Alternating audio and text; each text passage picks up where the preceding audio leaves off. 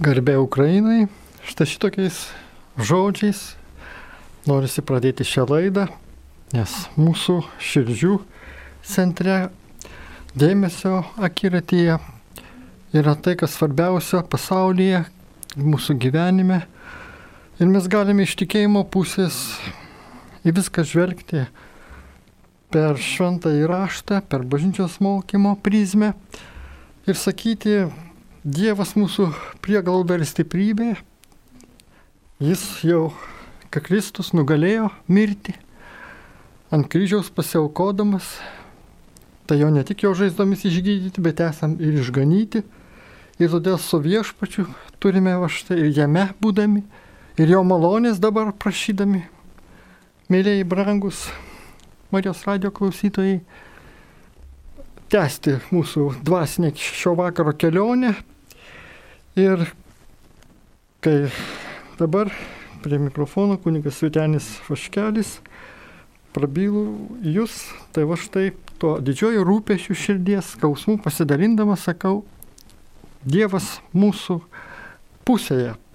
Tų ukrainiečių, kurie kovoja dėl savo laisvės, kurie gina, aukodami savo gyvybę. Ir mes juos palaikome, milijonai maldų siunčiama už šitą šalį, kad atsis, ats, jie galėtų apsiginti demokratinius iškovojimus, tėvinės laisvę apginti ir galėtų būti tie, ne tie, kurie gynasi, bet tie, kurie va štai puola ir agresorių iš savo šalies išvėja.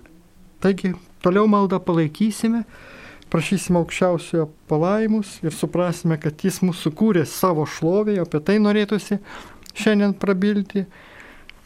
Jo garbė esam per Kristaus kryžiaus nešimą, o būtent tai susiję ne tik, ne tik su džiaugsmu, kai viltingai žvelgiame į prisikėlusi, bet būtinai yra ir kančios dalis. Tai štai mes visą tai savo gyvenime turime pakelti dar tvirčiau žiūrėdami tos didvyrius, kurie aukojasi dėl tėvinės laisvės Ukrainoje ir mums tai suteikia ryšto eiti šiuo keliu, taip pat branginti savo tėvynę, melsis už Lietuvą ir tikėti viešpas mus sukūrė savo garbiai, savo šloviai, saugos per švenčiausios mergelės Marijos galingą užtarimą. Taigi ir pradėsime, bet klausimus ar tiesiog į žinutės atsiliepsime vėliau. Dabar norisi apie tai pakalbėti, pabendraujant su jumis, brangieji, šį vakarą. Ir sakyti, kad jeigu viešpas mūsų kūrė savo šloviai, tai mes turime rasti Dievo žodyje šitą štai pagrindimą, tą tokį valiudymą. Ir štai ką viešpas mums byloja Izaijo pranašo knygoje. Parvesk mano sūnus iš tolimų šalių ir mano dukteris nuo žemės pakraščių. Kiekvieną, kuris vadinasi mano vardu, aš sukūriau savo šloviai. Aš sutvėriau ir padariau jį. Taigi gyvenimas gali būti išbarstomas, kai negyvename viešpatės šloviai. Turiu omenyje visą savo mūsų gyvenimą. Nes jis visas turi būti skirtas būtent aukščiausiojo šloviai. Taigi, kai skaitome šventame rašte, ar valgote, ar gerite, ar šiaip ką darote, visą darykite Dievo šloviai, tai esame pakviesti, o šitos atrodo tokius dalykus paprastus, kaip būtinus fiziologinius tos patenkinimo dalykus, mes negalime liktai tik tai savo daryti, save patenkinti savo labui tai daryti. Visada va, štai turim turėti intenciją. Negalim viešpatės tave nuo šaly laikyti, tavim nesigerėdami, tave va štai ne, nešlovindami, mes prasilenktume su tiesa. Bet ką reiškia šlovinti Dievą? Taigi turime atsakyti ir tam tikrų būdų, požiūrių, kad galime jį, jo garbę didinti. Tai tam tikra prasme, nes tas žodis turi dvi skirtingas reikšmės. Kai kalbame apie viešpatį, viena būtų jį garbinti, o kita prasme gali būti prisidėti net prie menkinimo. Pavyzdžiui, padidinti galime ir teleskopų, ir mikroskopų. Didinant mikroskopų, plika akiminiai žiūrimi objektai atrodo didesni. Pavyzdžiui, dulkių erkė gali pasirodyti pabaisa. Taip didinti Dievą vadinasi jį sumenkinti. Bet kai, pavyzdžiui, didinam teleskopų vaizdą, neįsivaizduojama, didybė pasidaro tokia, kokia iš tikrųjų yra. Danguje matomas smeigtuko galvutės dydžio galaktikas, kosminis teleskopas, Hublė parodo tokias, kokios jos iš tiesų yra. Milijardus žvaigždžių turinčius milžinus.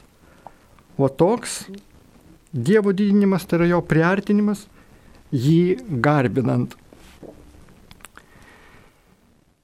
Dievas mūsų kūrė gyventi taip, kad būtų matoma jo didybė, grožis ir begalinė vertė. Toks, koks jis iš tikrųjų yra. O štai daugumai Dievas atrodo, jei apskritai atrodo, kaip smeigtuko galvutės dydžio švieselė tamsoje. Bet jis mūsų kūrė ir pašaukė rodyti į tokį, koks jis iš tiesų yra. Štai ką reiškia būti sukurtam pagal Dievo atvaizdą. Pasaulyje mūsų pašaukimas atspindė tokį, koks iš, jis iš tikrųjų yra. Daugelis, daugelis toks požiūris, kokia čia anokia meilė kai jiems pasakai kartais, kad Dievas juos sukūrė savo šloviai, jie pasijunta nemylimi, o išnaudojami. Ir tai iš pirmo žvilgsnio atrodo suprantama, nes pasaulyje meilės samprata, ko ne visai iškreipta. Daugelio atrodo, kad būti mylimam reiškia būti aukštinamam. Vakarietiškoje kultūroje bemaž viskas byloja apie tai. Mums pačiais įvairiausiais būdais kalama į galvą, kad mylėti vadinasi stiprinti kito savigarbą. Mylėti reiškia padėti kitam pasijusti geriau. Mylėti vadinasi kitam įduoti veidrodį rankas ir padėti jam pamilti savo atvaizdą. Šventajame rašte Dievo meilė netokia, nes ji neieško savo, kad kitiem įtiktų o save pavertus karščiausių meilės jausmų objektu mums tikrai neišeitų į gerą. Tiesą sakant, tai kelias į, į mirtį.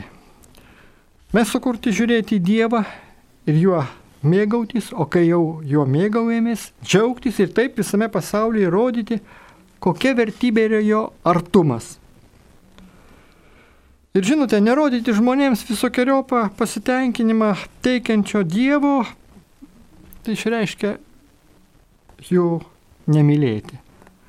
Daryti viską, kad jie gerai pasijustų, kai buvo sukurti gerai jaustis tik Dievo akivaizdoje, tai žinot, tas pats, kas nusivesti ką nors į Alpes ir užrakinti veidrodžių kambarį. Šiame pasaulyje pačias džiugiausias akimirkas išgyvenam ne tada, kai esam patenkinti savimi, o kai užsimirštame.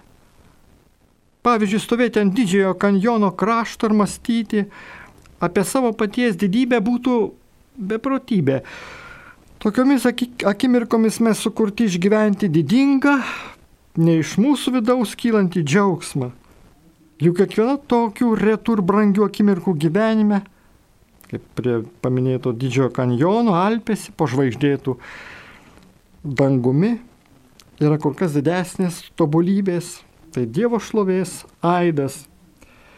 Na ir todėl psalmėse skelbiama 19 psalmiai dangų skelbia Dievo šlovę, dangaus kliautas garsina jo rankų darbą. Kartais žmonės sako, negali patikėti, kad Dievui, jei jis yra, rūpėtų žemėje gyvenantis toks mažutis tikrovės šapelis vadinamas žmonija. Anot jų visada, visata tokia didinga, kad žmogus yra visiškai nereikšmingas.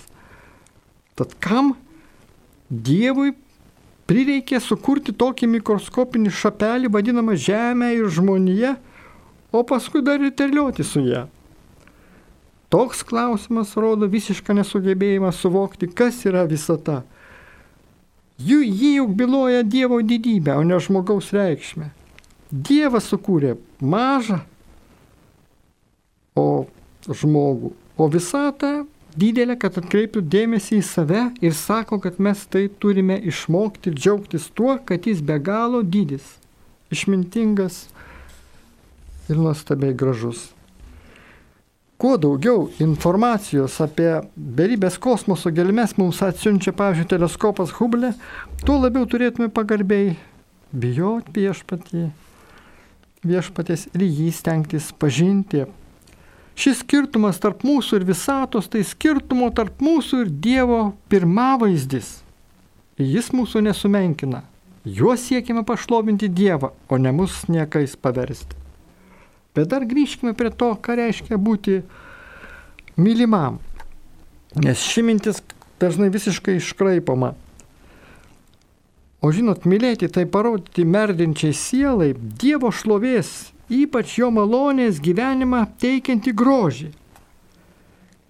Dar pamatysime, kad Dievo šlovę rodome pačiais įvairiausiais praktiniais būdais, kai rūpinamės maistu, drabužiais, pastogę ir kitų sveikata. Juk štai ką Jėzus sakė mums, taip te šviečia ir jūsų šviesa žmonių akivaizdoje, kad jie matytų gerus jūsų darbus ir šlovintų jūsų tėvą danguje. Kiekvienas geras darbas turėtų būti Dievo šlovės apraiška. Gerą poilgį meilės veiksmų padaro ne pats poilgis, o troškimas ir pasiaukojimas, rodant, kad Dievas šlovingas. Kai nesiekėme parodyti Dievo, nemylime, nes Dievas yra tai, ko mums labiausiai reikia. O turėti viską išskyrus jį, žinote, tai vėlgi platus kelias į pražūtį. Biblijoje sakome, sakoma, kad galima išdalyti viską, kad turi žmogus atiduoti kūną sudeginti, bet jeigu meilės nėra, tai va nieko nebeturi žmogus. Jei nerodome žmonėms, kad amžinai džiaugsmą teikia Dieva, Dievas, mes tų žmonių ir nemylime, taip kaip viešpas to nori. Dievas parodo savo meilę mums, mums išvaduodamas iš savojo aš vergyjos, kad galėtume jį pažinti ir amžinai juo žavėtis. Štai kaip kalba apaštalas Petras. Kristus vieną kartą numirė už nuodėmės, teisusis už neteisiuosius, kad mus nuvestų pas Dievą. Kodėl Dievas siuntė Jėzų Kristų mirti už mus? Kad nuvestų mus pas Dievą, pas save Dievas siuntė Kristų į mirtį, kad mes pereitume namo, pareitume, grįžtume tikruosius namus pas visokiojopą pasitenkinimą teikiantį tėvą. Taigi pas savo tikrai dangaus tėvą. Tokia yra meilės esmė. Dievas myli mus ir daro tai, ką reikia. Nors jam tai brangiai atsiejo, kad mes turėtume tą malonumą per amžius įmatyti ir juo mėgautis. Jei tai, ką sako psalmio autorius, Dievui yra tiesa, tavo artume džiaugsmo pilnatvė, tavo dešinėje amžina linksmybė, kągi turi daryti meilė, ji turi išvaduoti mus, tikinčiuosius nuo savojo aš priklausomybės apraiškų ir mus jau pakeistus atvesti į Dievo artumą. Noriu užduoti klausimą, kuris parodys, ar vadovaujatės šio pasaulio iškreiptos meilės sampratą. Kada jaustumėtės labiau mylimi Dievo, jei Jis išaukštintų jūs, ar patys brangiai sumokėjai šva būtumėte išvaduoti iš savimeilės vergyjos ir norėtumėte jiem, jį amžinai aukštinti. Štai tarkite, jūs sakote, Noriu būti laisvas nuo savęs paties ir kupinas džiaugsmo Dievu. Noriu džiaugtis aukšindamas Dievą, o ne save.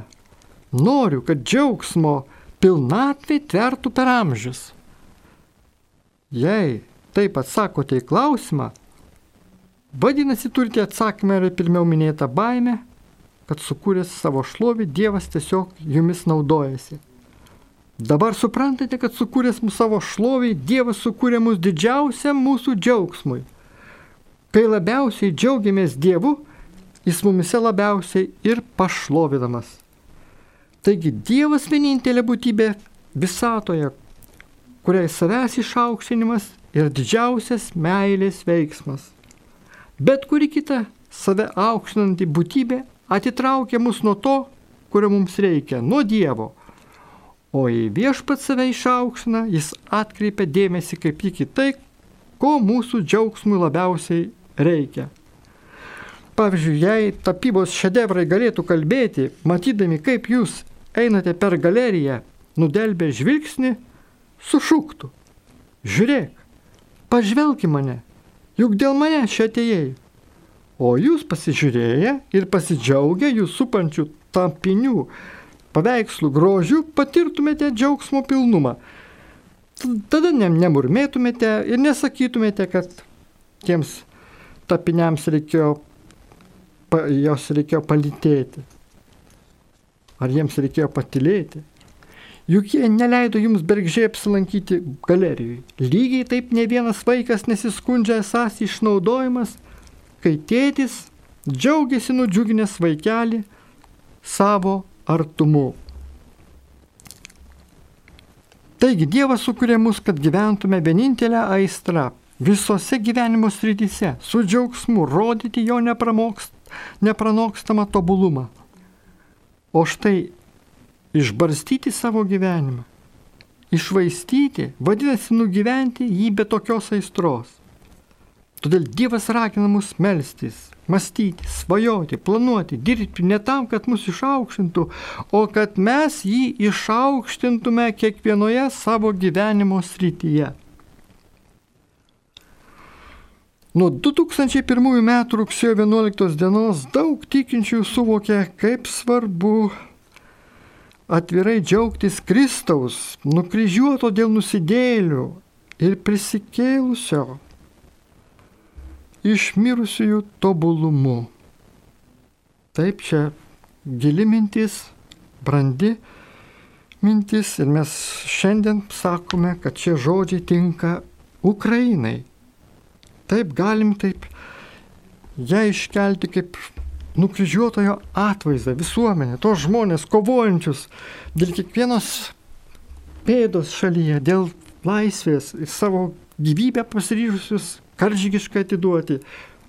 Tai iš tiesų labai panašu į nukryžiuotoją, kuris pakeltas ant kryžiaus mus patraukia, kaip jis pasakė, įsipildo jo žodžiai, tuos geros valios žmonės, kurie va štai pamato jame savo gyvenimo prasme, į savo ateitį.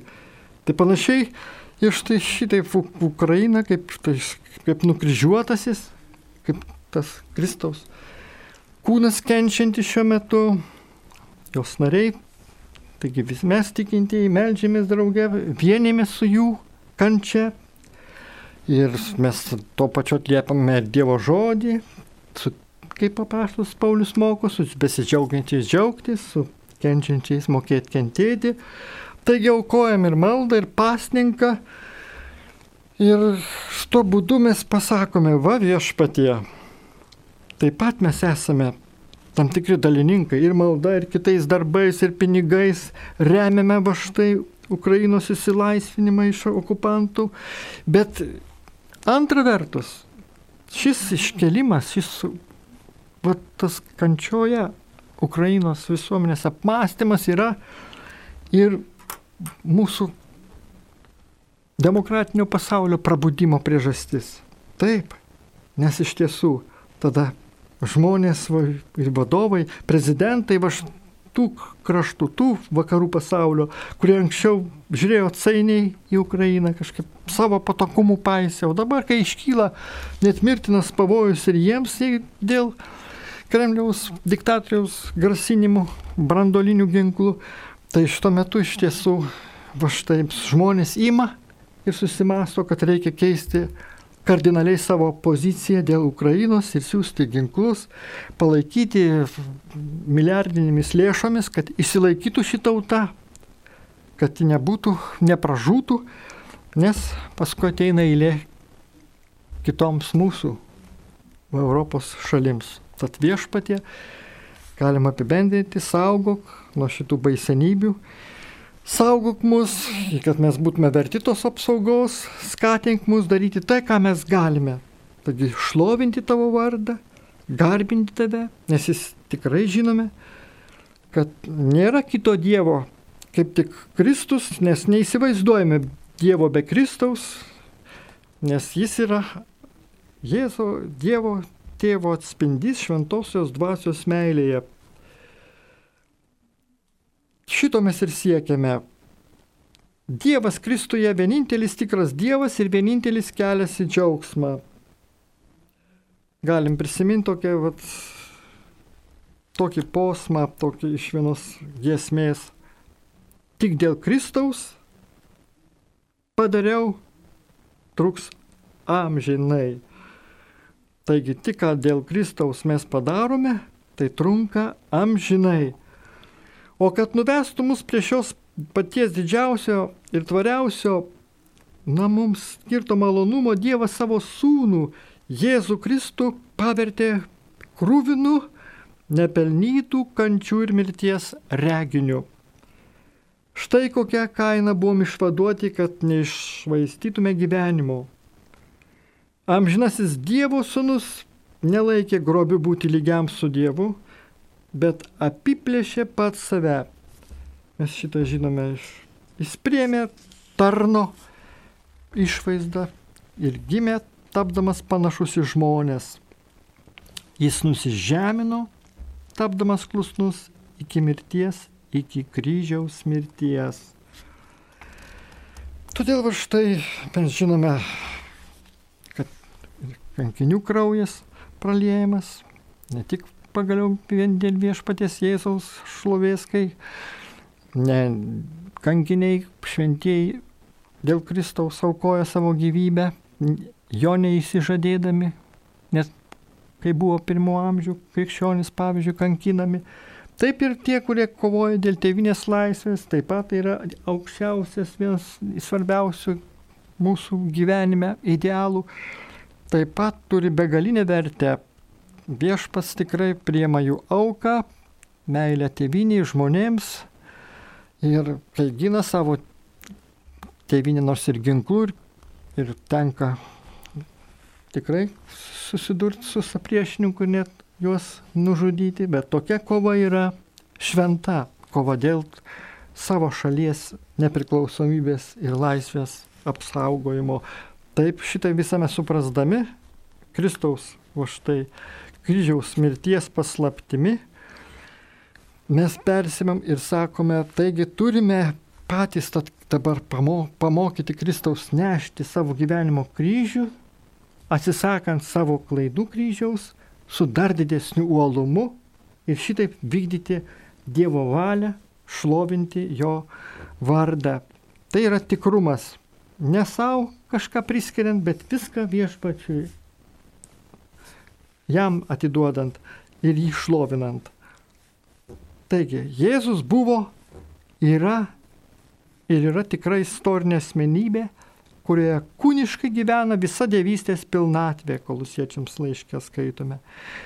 Jis yra Dievas iš Dievo, šviesa iš šviesos. Ir kaip senam Nikėjos išpažinime pasakyta, tikras Dievas iš tikro Dievo. O jo mirtis ir prisikėlimas yra svarbiausias Dievo veiksmas per visą istoriją. Todėl ir nenostabu, kad šventajame rašte skaitome visa sukurta per jį ir jam. jam, vadinasi, jo šloviai, vadinasi, viskas, ką iki šiol kalbėjome apie tai, kad Dievas mūsų sukūrė savo šloviai, reiškia, kad jis sukūrė mus ir savo sunaus šloviai. Tėve, atėjo valanda, pašlovink savo sūnų, kad ir sūnus pašlovintų tave. Nuo Jėzaus įsikūnymo, išganingojo jo darbo, nusidėliai su džiaugsmu šlovina Dievą, garbindami prisikėlusi Dievo žmogų Jėzų Kristų. Jo krūvina mirtis yra liepsnojanti Dievo šlovės šerdis. Ir nėra kito kelio į tėvo šlovę, kaip tik per sūnų. Visus pažadus apie džiaugsmą Dievo artume gauname tik per tikėjimą Jėzumi Kristumi. Todėl Evangelija, galim taip pasakyti, yra geroji naujiena apie Kristaus šlovę.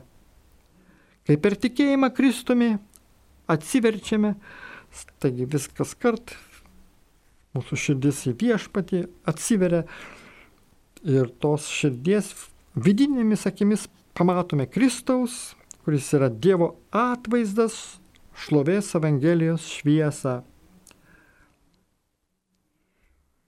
Evangelija geroji naujiena apie viską įveikianti grožį, o Paštalo Pauliaus žodžiais tai geroji naujiena apie Kristaus šlovę.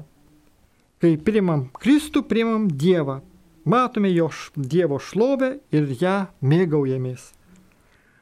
Dievo šlovę nesimėgaujam, jei jos nematome Kristuje.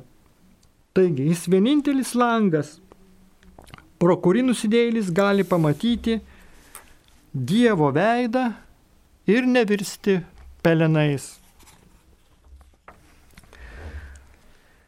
Ir dar antram korintiečio laiške skaitome, kad Dievas apšviečia mūsų širdis ir suteikia mums Dievo šlovės pažinimo šviesą Kristaus veide. Mes matome tą Dievo šlovę Jėzaus Kristaus veide arba jos nematome. O jo veidas yra Kristaus grožis, kuri iki galo, kuris iki galo atsiskleidė ant kryžiaus. Krauju pasurvės nukryžiuoto ir triumfuojančio Kristaus veidas yra Dievo šlovės išraiška. Taip, tai, tai kas kažkada buvo mums kvailystė, pasidaro mūsų išmintim, galybė ir gyrimi. Tad va, brangiai, turime ir žiūrėti ir kenčiančiame dėl ligonyje, dėl tevinės laisvės šiuo metu, kai kalbame, jūs klausotės, ir maldingai prisimenam vis, kas svarbiausia pasaulyje.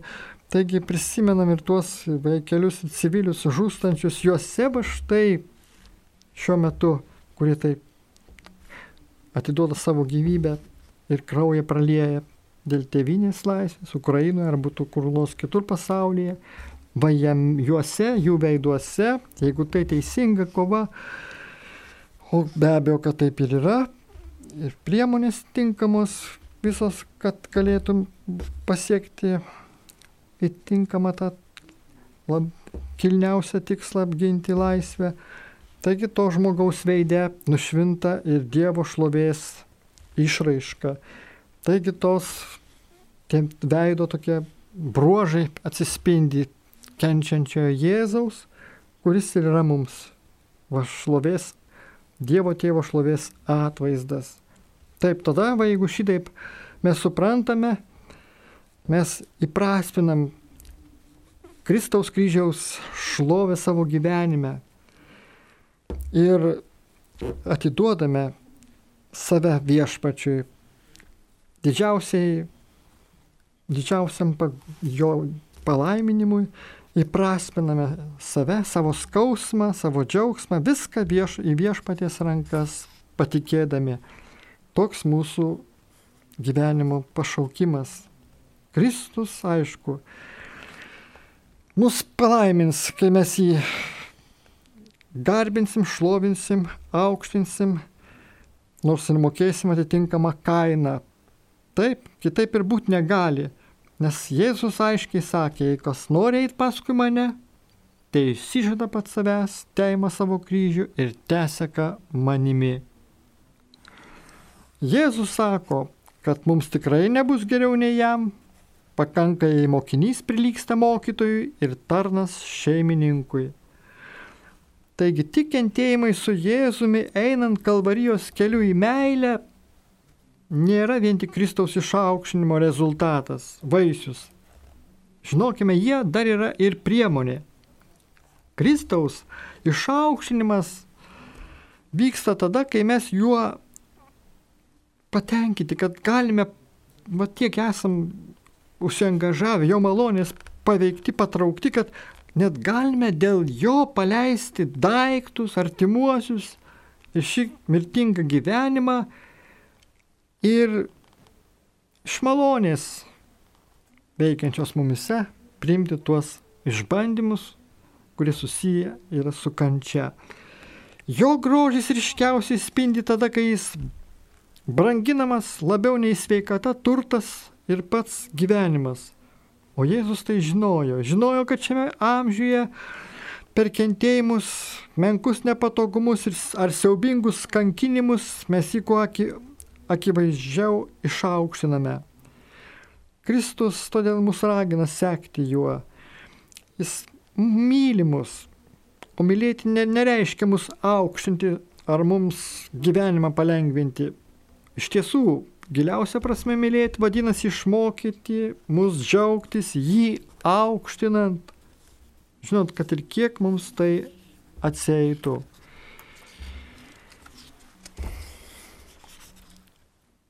Normalus krikščioniškas gyvenimas toks, kai gyrėmės tik kryžiumi, liepsnojančia Dievo šlovės šerdimi ir jis kryžius nešamas.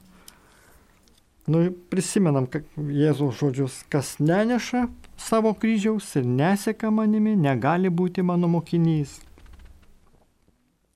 O kai nešame kryžių, galim vis laisviau juo girtis. Šiame nuodėme persisunkusiame pasaulyje tam tikrą prasme kančia net Dievo ne tik leista, bet ir yra sumanimas mūsų išganimo labui. Romiečiams 8 skyriuje apie tai skaitome 20 eilutė, tai parodo. Ji parodo pasauliui nuodėmės siaubą. Ji baudžia už nuodėmės nusikaltimą tuos, kurie netiki Kristumi. Ji palaužia nuodėmės galę tuose, kurie paima savo kryžių ir seka Jėzumi.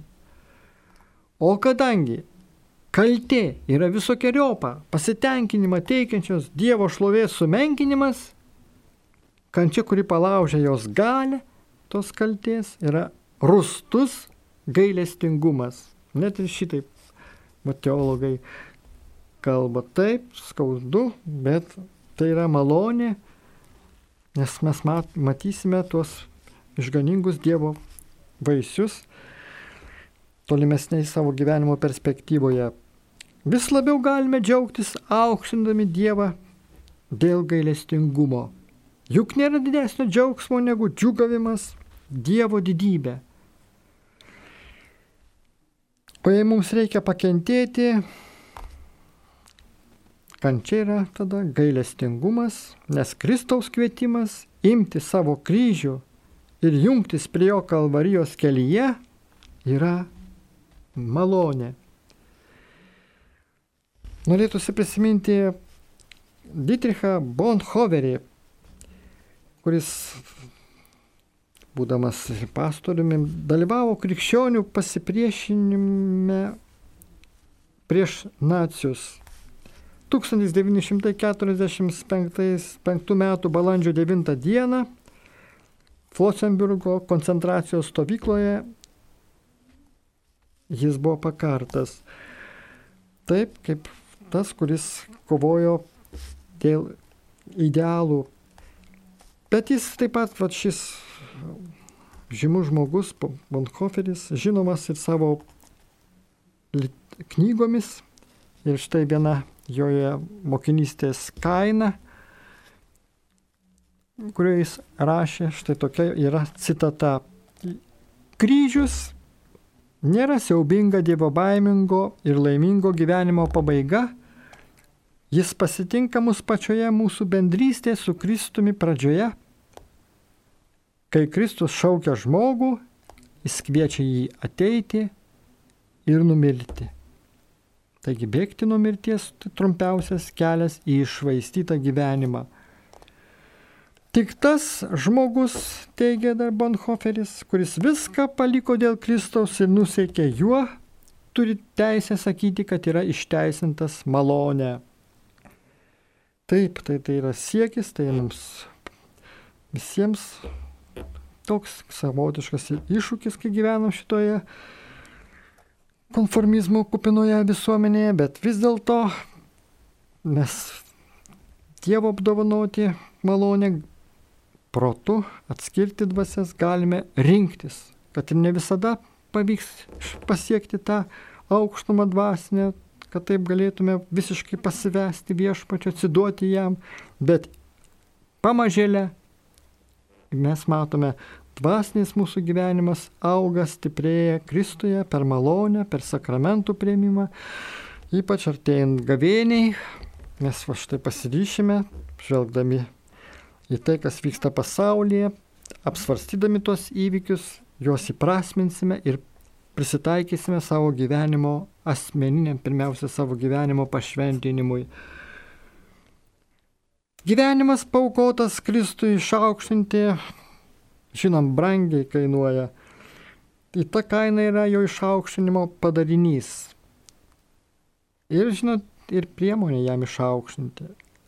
Jei neprimsime džiaugsmo pripildytos, skausmingos meilės kelio, išbarstysime savo gyvenimą.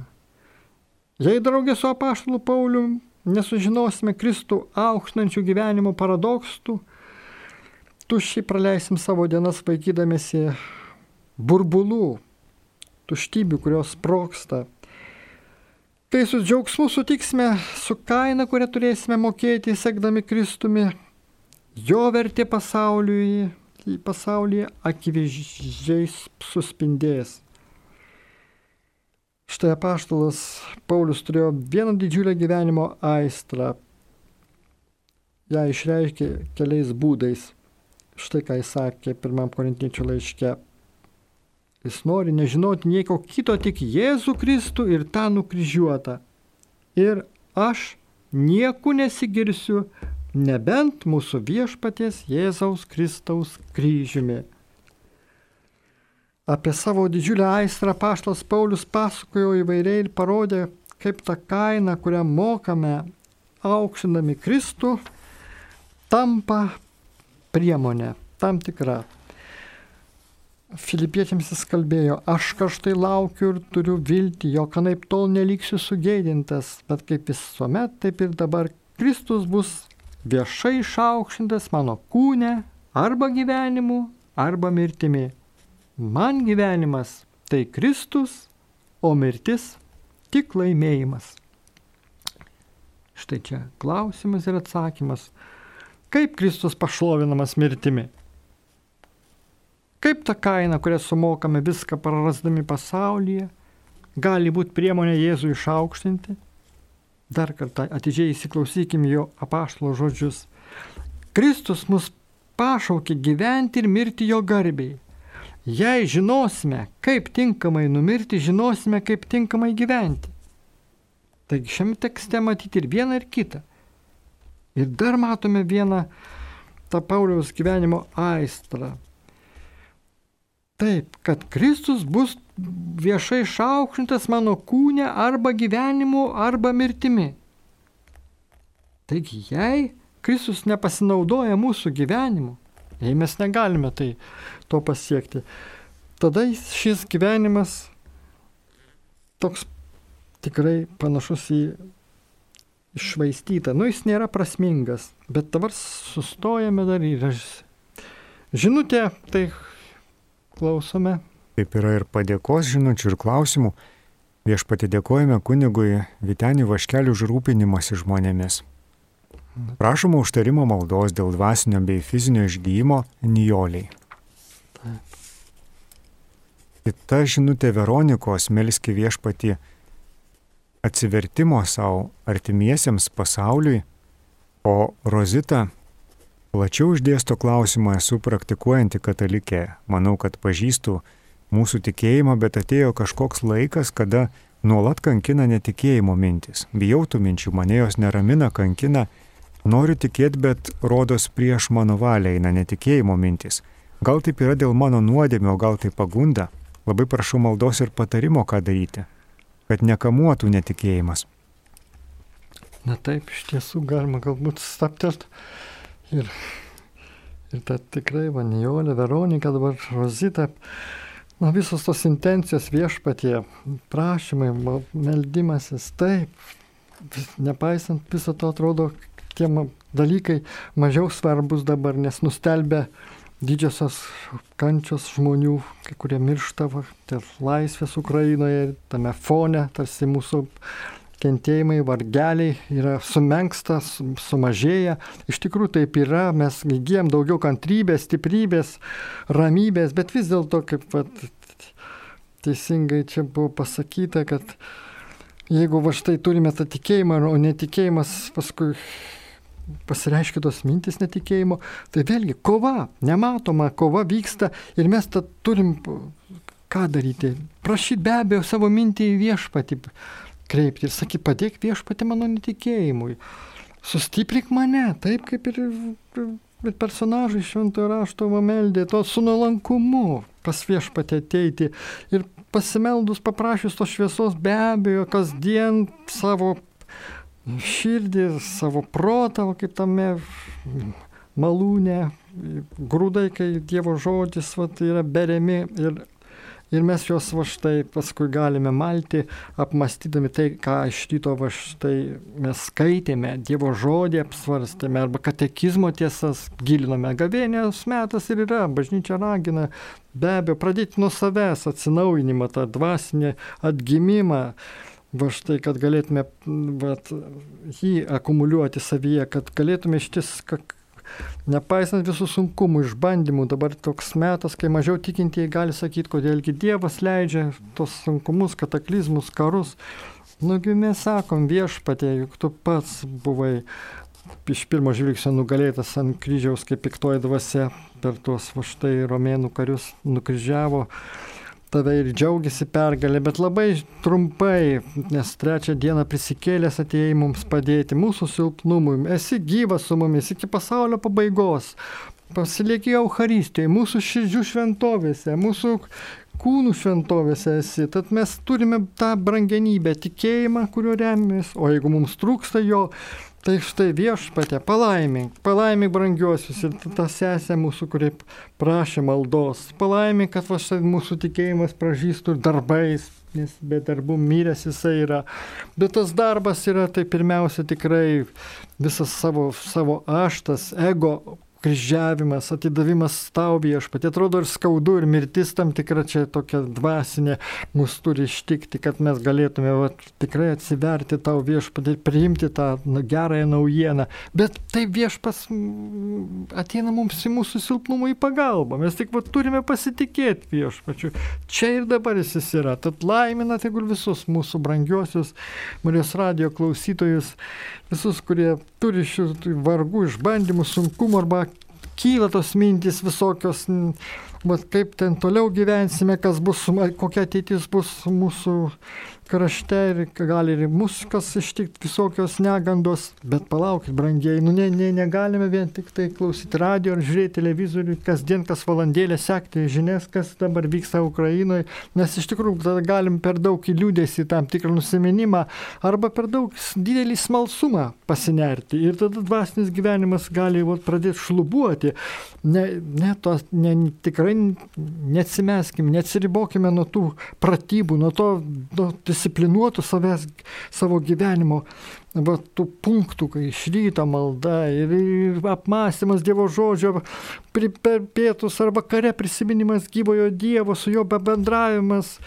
Taip, viso to tie dalykai turi būti kaip kertiniai vat, akmenys mūsų dvasiniam gyvenime. Tad Dieve padėk ir laimink visus va, klausytojus Marijos radijo ir visus mūsų namiškius, silpnuosius, artimuosius, dėl kurių pergyvename. Taigi išplėtoju mintis, nes jų laiko laikas tirpsta ir laida į pabaigą eina. Taigi norisi prisiminti visus tos kovojančius dėl tikėjimo pergalės ir tikrai mes galime džiaugtis Kristaus kryžiumi papaštalo Pauliaus pavyzdžių, kad va, kaip, kaip jis sakė, kuris, kad aš nebūsiu sugėdintas, vat kalbėjo, kai, kai jis kažtai laukia ir turi viltį, nes jis pasitikė viešpaties pažadu, kad prisikelimas iš numirusių yra tikras ir ne tik kitam gyvenime, bet ir šiame Šiame, kai mes nuodėmės atsisakome ir priimam Jėzui savo širdį, dovanų dovana didžiausia, brangenybė ir su juo bendraujame, o paskui ateina jo malonės ir dovanos. Taigi ir sėkiu ir linkiu jums, mėlyjei Marijos radio klausytojai, per Marijos širdį, per rožinio maldą, per atsidavimą Dievui siekime ar tu artimumo su Jėzumi, tai tegul nušvinta jo veidas kančioje, nes mes mąstysime, tuos dar mums laiko Dievas ir, ir kryžiaus kančios kelio apmąstymą, kiek viešpas mūsų išganytojas atėjęs iš nuostabiausių džiaugsmų pasaulio, iš dangaus karalystės kentėjo, prisėmė tą kryžių, kad mes galėtume jo pavyzdžių, jį įsimylėdami Jėzų, pamildami, sekti juo, sekti juo iki galo, iki paskutinio atodusio. O čia reikia ištvermės, reikia uolumo, reikia išminties. Kasdien va štai prasminti savo gyvenimą, savo laiką, savo visas savo, ką turime viešpatyje ir prašysime šios malonės ir melsime kartu visi, kad Dievas va štai būtų mūsų pirmam plane, virš didžiausias prioritetas. Ir tikrai tuomet pajėgsime įveikti visus sunkumus, visus išbandymus. O baigdamas noriu dar kartą su jumis visais pasimelsti už mūsų tikrai brolišką šalį Ukrainą, už tuos, kurie va štai šiuo metu kenčia, kurie va tikrai yra ir baimės apimti, bet to pačiu ir dar daugiau ryšto to nesugriaunamo ryšto kovoti iki paskutinio todusio ir vieni kitus uždega. Svarbiausia, va, prezidentas Zelenskis rodo tą pavyzdį ir kiti vadovai valdžios va štai nebėga į užsienius, nors buvo galimybė pas jiems iš palikti kraštą, bet rodo kaip vadovai, kad va šitaip reikia kauti su priešu iki galo ir tada va štai siekti tos pergalės ir tada ateis į pagalbą pats dangus, turėkime tą viltį ir viskas, tikrai viskas išeis į Dievo gerą, į gerą. Taip, priešas atsitols, bus sugėdintas, o Jėzus savo vaikuose, visuose tos savo kūriniuose, dėl kurio išlėjo brangiausią kraują, bus išaukštintas, bus išaukštintas per mūsų kančią, kai mes panašėdami Jėzų Kristų skelbsime, kad ne tik kryžius mūsų gyvenime yra svarbiausia prisikėlusis. Jėzus vadovauja mūsų širdims, jis eina pirmą mūsų, jis neša prisikėlimo vėliavą ir mes sekame Jėzų ištikimai, trokšdami vykdyti jo planus, tad Dieve padėk mums juos pažinti, tavo valią vykdyti ir su tavimi susilaukti išaukštinimo danguje. Būkite palaiminti, brangiai Marijos radio klausytojai, tai Dievas mus visus saugo, Čia buvo tiesiog nemetarė kunigas Vitenis Vaškelis su Dievu.